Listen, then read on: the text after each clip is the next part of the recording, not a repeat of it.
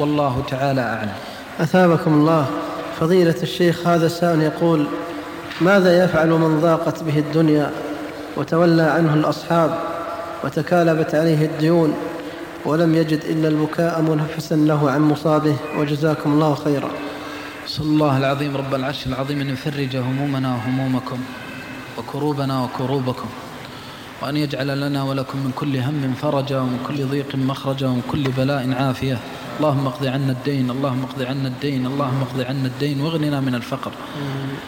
أخي في الله ليس البكاء يقدم ما أخر الله أو يؤخر ما قدم الله. البكاء لا يجدي لك شيئا.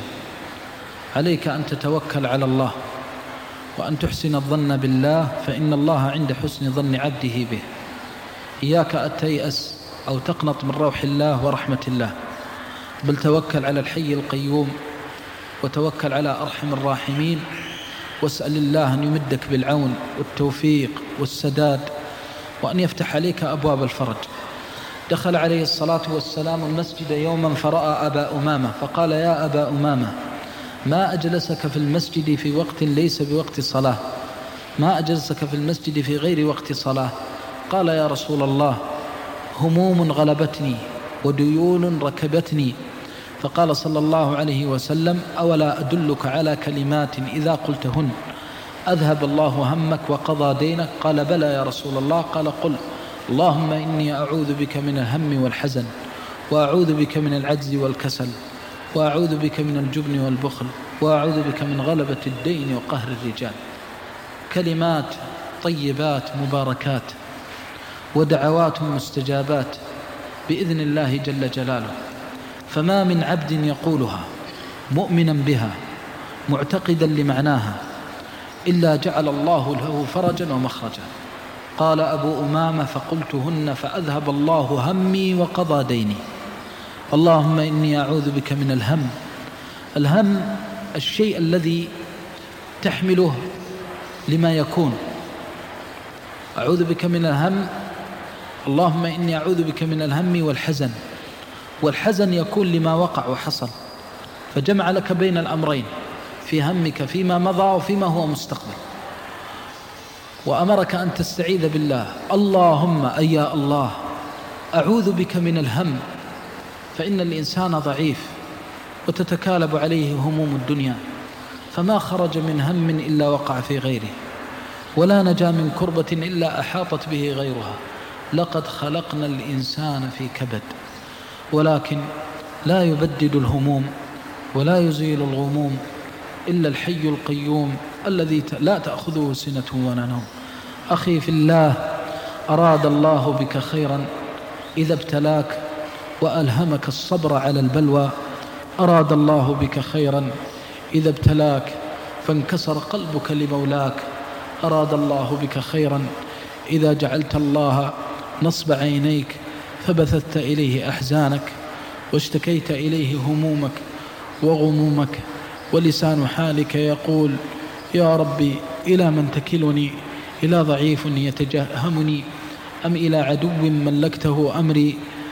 ولسان حالك يقول يا الله يا من يجيب المضطر إذا دعاه؟ أبث إليك الشكوى وألتجئ إليك يا من جل وعلا. لسان حالك يقول اللهم يا من كشفت الضر عن أيوب وأزلت الهم عن النون وكشفت الضر عن العباد وأزلت البلاء عنهم أزل عني همي واكشف عني غمي ولا تجعلني أشقى عبادك إليك عندك. اللهم لا تحرمني خير ما عندك بشر ما عندي أكثر من دعائه وتضرع إليه فإنه والله ثم والله أرحم بك من نفسك بنفسك التي بين جنبيك. وإنك إن بثتها كلمات من قلب مؤمن بالله موقن في الله فإن الله لا يخيبك. إن العبد إذا دعا واعتصم بالله والتجأ وصدق في دعائه والتجائه تفتحت أبواب السماوات. إذا دعا الله صادقا من قلبه وقد أحاطت به همومه في جسده. من سقم في الجسد أو مرض أو ألم فأعياه الأطباء وكثر عليه وعظم عليه البلاء أو, أعظم أو عظم عليه بلاؤه في البنات والأبناء وأصبح كلما ضحك أبكاه همه وأبكاه غمه وأحزنه وأقلقه. إن العبد إذا وصل إلى هذا الحال وتوجه إلى الكبير المتعال بصدق ويقين فإن هذا هو المقصود من البلاء. المقصود من البلاء الفرار من الله إلى الله. مقصود من البلاء أن يبث العبد إلى ربه الشكوى وأن يلتجئ إلى الله جل وعلا وأن يتذكر عظمة الله. إذا عظم عليك الدين فتذكر الله جل جلاله الذي هو أعظم من الدين ومن كل شيء. وإذا عظم عليك الهم في أولادك وبناتك وزوجك وأهلك فتذكر أن الله يسمعك وأن الله يراك وأن الله حليم وأن الله رحيم. فقل يا رب أنت ترى حالي وتعلم ضعفي وتعلم فقري. يا ربي إليك التجأت. يا ربي إليك اشتكيت. يا ربي إليك بك استعنت وعليك توكلت وفوضت أمري إليك وألجأت ظهري إليك وآمنت بك وأسلمت إليك. إذا كنت إذا قلت هذه الكلمات فتحت لها أبواب السماوات وإذا صدعت بهذه الدعوات فإنك حري بتفريج الكربات وتسهيل المهمات. إن الله إذا تأذن بالفرج جاءك من حيث لا تحتسب. وإنه ما من عبد تضيق به الأرض بما رحبت. خاصة إذا, تخ... إذا خذلك الناس وخاصة إذا تولى عنك القريب والحبيب وخاصة إذا كنت تثق في أحد فخذلك وإذا كنت ترجو أحدا بعد الله فأهانك وأذلك. عندها تعلم أن الله يريدك أن تلتجئ إليه. أسعد الناس في الدنيا من وجه وجهه إلى الله. أسعد الناس في الدنيا من أسلم قلبه لله ومن أحسن دينا ممن أسلم وجهه إلى الله. وهو محسن أي موقن بأن الفرج من الله. إذا أذلك الناس علمت أنه ليس بيدهم عزة ولا ذلة. وإذا أهانك الناس وأنت تطلب منهم أن يعينوك ويساعدوك فاعلم أنهم لا يملكون لأنفسهم ضرا ولا نفعا ولا موتا ولا حياة ولا نشورا. وإذا اشتد عليك البلاء وعظم منك عليك العناء من زوجة ومن أهل ومن ولد ومن أخ ومن أخت ومن أصدقاء ومن أقرباء وإذا عظمت أذية الناس لك وامتهانهم لك فاعلم أن لك ربا لا يخيبك وأن لك ربا هو منتهى الشكوى وأن لك ربا يسمع السر وأخفى وأن لك ربا يرحمك ويحبك ويحب أن تناديه وتلتجئ إليه وتدعوه. أمن يجيب المضطر إذا دعاه ويكشف السوء ويجعلكم ويجعلكم خلفاء الأرض أإله مع الله. ذكر الله البلاء عن أيوب فقال سبحانه وأيوب إذ نادى ربه أني مسني الضر وأنت أرحم الراحمين. أني مسني الضر وأنت أرحم الراحمين ناداه وقد عظمت شكواه وعظم بلاؤه وعظم ضره. فنادى الله سبحانه وتعالى بأسمائه وصفاته قال أني مسني الضر الحال والشأن أني مسني الضر ولكن أنت أرحم الراحمين. أني مسني الضر وأنت أرحم الراحمين. فاستجبنا له فكشفنا ما به من ضر وآتيناه أهله ومثلهم معهم رحمة من عندنا وذكرى للعابدين. قال بعض العلماء ذكرى للعابدين أي أن أيوب دعا ربه بيقين فإن الله يستجيب لكل من أصيب ببلاء فدعاه بيقين. ذكرى هذه الذكرى تتذكرها في كل بلاء. وفي كل خطب وكرب في أهلك ومالك وولدك تكون في رغد من العيش وأنت آمن في سربك معافى في بدنك عندك قوت يومك فلا تلبث أن شاء الله بلاءك. فنزلت بك المصائب وحلت بك المتاعب فأحاطت بك الديون من كل جانب وأصبحت بعد رغد العيش في ضيقه وفي صعوبته. فالبنت تشتكي والابن يشتكي وتصبح في هم وغم وكرب. ويأتيك ضلع الدين وهم الدين والمغرم والمأثم فعندها تضيق بك الأرض بما رحبت لكن لا يوسعها إلا يقينك بالله جل جلاله. ولا يبدد هذه الهموم ويذهبها إلا يقينك بأن الله أرحم بك من نفسك بين التي بين جنبيك. يا هذا إن صدقت مع الله صدقك. من هذا الذي وقف بباب الله فطرده؟ حاشاه. من هذا الذي صدق مع الله فخيبه؟ حاشاه. ما وجدناه إلا حليما رحيما ما وجدناه إلا كريما عظيما. يفتح لك أبواب الفرج من حيث تحتسب ومن حيث لا تحتسب. وما من عبد يدعو في كرب ويصدق مع الرب إلا أعطاه الله إحدى الحسنيين. إن كان علم سبحانه أن كربه يفرج فرج عنه عاجلا. وإذا علم سبحانه أنه سيؤخر عنه الفرج رزقه اليقين والإيمان والتسليم حتى إن البلاء يعود عليه نعمة وسرورا. جعلنا الله وإياكم ذلك الرجل. إذا كنت واثقا بالله وناديته وناجيته صادقا مؤمنا متوكلا عليه إما أن يفرج كربك وإما أن يفرغ عليك من الصبر واليقين حتى يصبح العذاب لك رحمة. وتعلو درجتك ويعظم أجرك ويغفر ذنبك ويقضى دينك ويبدد همك وحزنك. ولذلك في البلاء وفي الشدة والعناء سرور بمناجاة الله لا يعدله سرور. ما أسعدها من لحظات وما أسعدها من ساعات طيبات مباركات إذا خلوت بربك. وبثت إليه أحزانك واشتكيت إليه أحزانك. وبثت إليه ما تجده من الكرب ومن الهم والغم. فسألته وناجيته ودعوته وثقت به سبحانه وتعالى.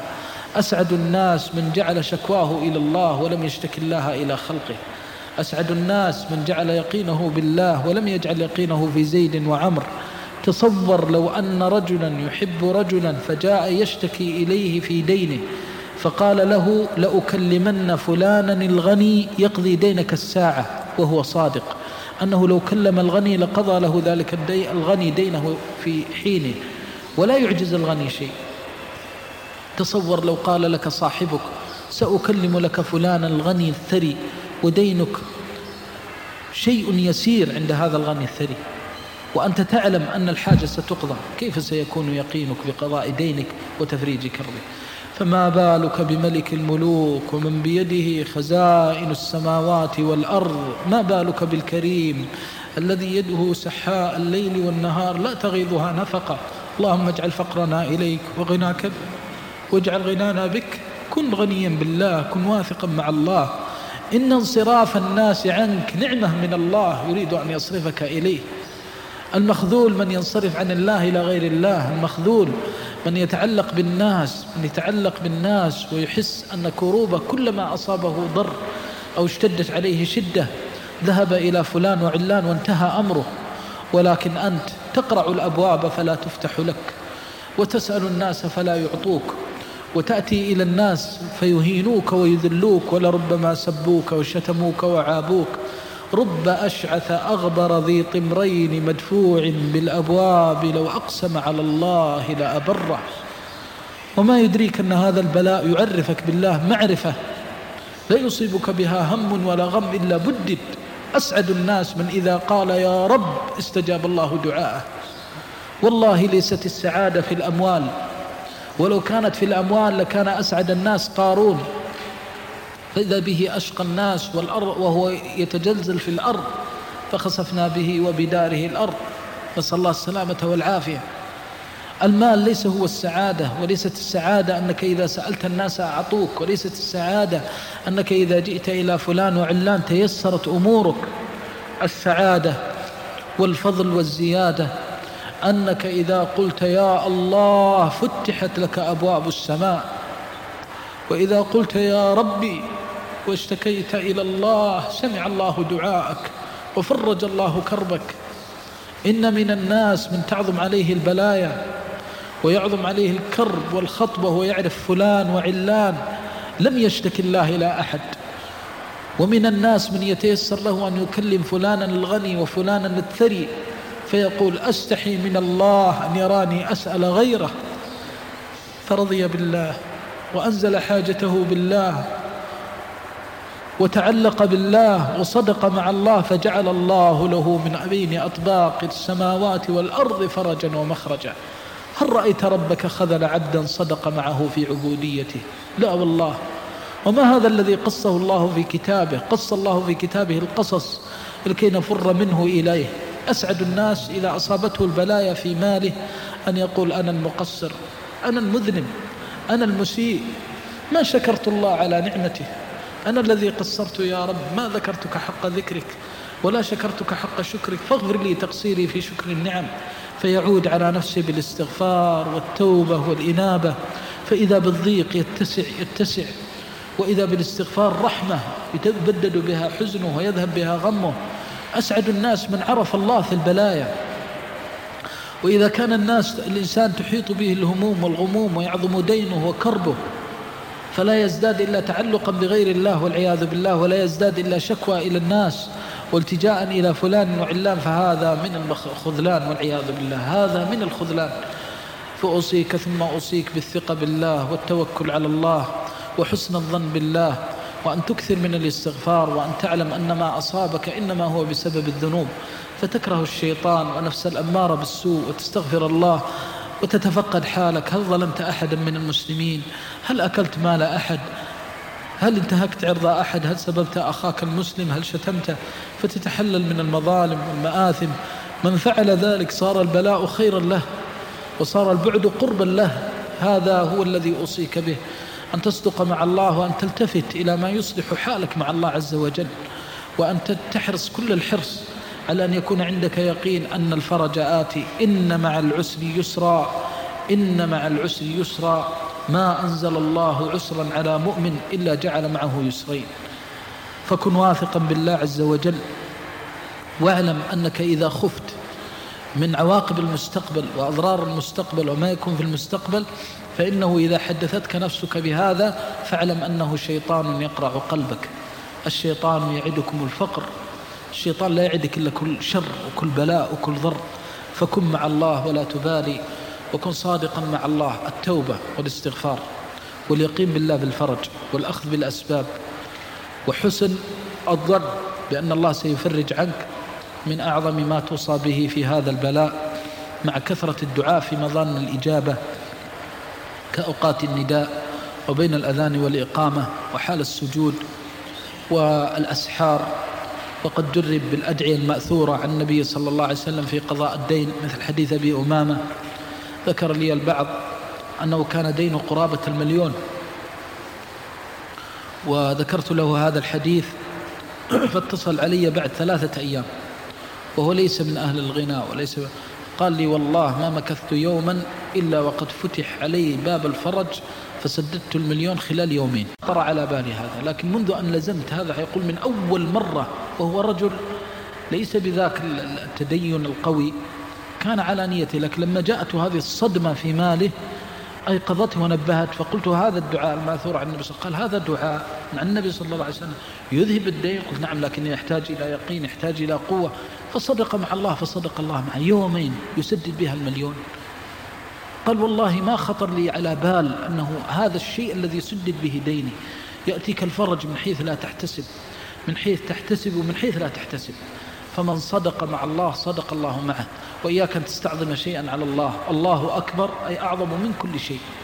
فالله أكبر كبير على كل هم وكل غم وكل كرب فيما بيننا وبين لقاء الله حتى نلقى الله وهو راض عنا. اللهم بدد همومنا ونفس همومنا وكروبنا. اللهم اجعل لنا من كل هم فرجا ومن كل ضيق مخرجا ومن كل بلاء عافية. اللهم إنا نستنصر بك فانصرنا ونستعين بك فاعنا. اللهم لا تخذلنا. اللهم لا تخذلنا. اللهم لا تخذلنا. اللهم اجعل لنا من كل هم فرجا ومن كل ضيق مخرجا ومن كل بلاء عافية. اللهم بارك أرزاقنا وبارك أموالنا وأولادنا وبارك لنا في كل ما رزقتنا وأعطيتنا. اللهم إنا نسألك أن تجعل الخير لنا في أمورنا كلها عاجلها وآجلها ما علمنا منها وما لم نعلم. نشكو إليك غلبة الدين وقهر الرجال. اللهم إنا نشكو إليك فقرنا. اللهم إنا نشكو إليك فقرنا فاغننا من واسع فضلك يا ذا الفضل العظيم. اللهم اجعل فقرنا إليك وغنانا بك. اللهم اقض عنا الدين واغننا من الفقر. اللهم اقض عنا الدين واغننا من الفقر. اللهم اقض عنا الدين واغننا من الفقر. واجعل ما وهبتنا عونا لنا على طاعتك ومحبتك ومرضاتك يا حي يا قيوم. اللهم اغفر لنا ولآبائنا وأمهاتنا وأزواجنا ومشائخنا ومحبينا ومن أوصانا واستوصانا وحضر معنا وغاب عنا وأحبنا فيك. اللهم اغفر لنا أجمعين وهب المسيئين منا للمحسنين وتولانا برحمتك يا أرحم الراحمين. اللهم ارحمها رحمة تغفر بها ذنوبنا وتفرج بها كروبنا وتصلح بها فسادنا وتسدد بها اعوجاجنا وتقوم بها سبيلنا. رحمة تثينا بها إلى رحماتك العظيمة في الدنيا والآخرة. رحمة تفتح بها علينا أبواب فضلك العظيم يا أرحم الراحمين يا حليم يا رحيم يا كريم رحمة تحل بها علينا جوامع الرضا وتجعلنا وتجعل مآلنا إلى الفردوس الأعلى يا حي يا قيوم لا إله إلا أنت سبحان ربك رب العزة عما يصفون وسلام على المرسلين والحمد لله رب العالمين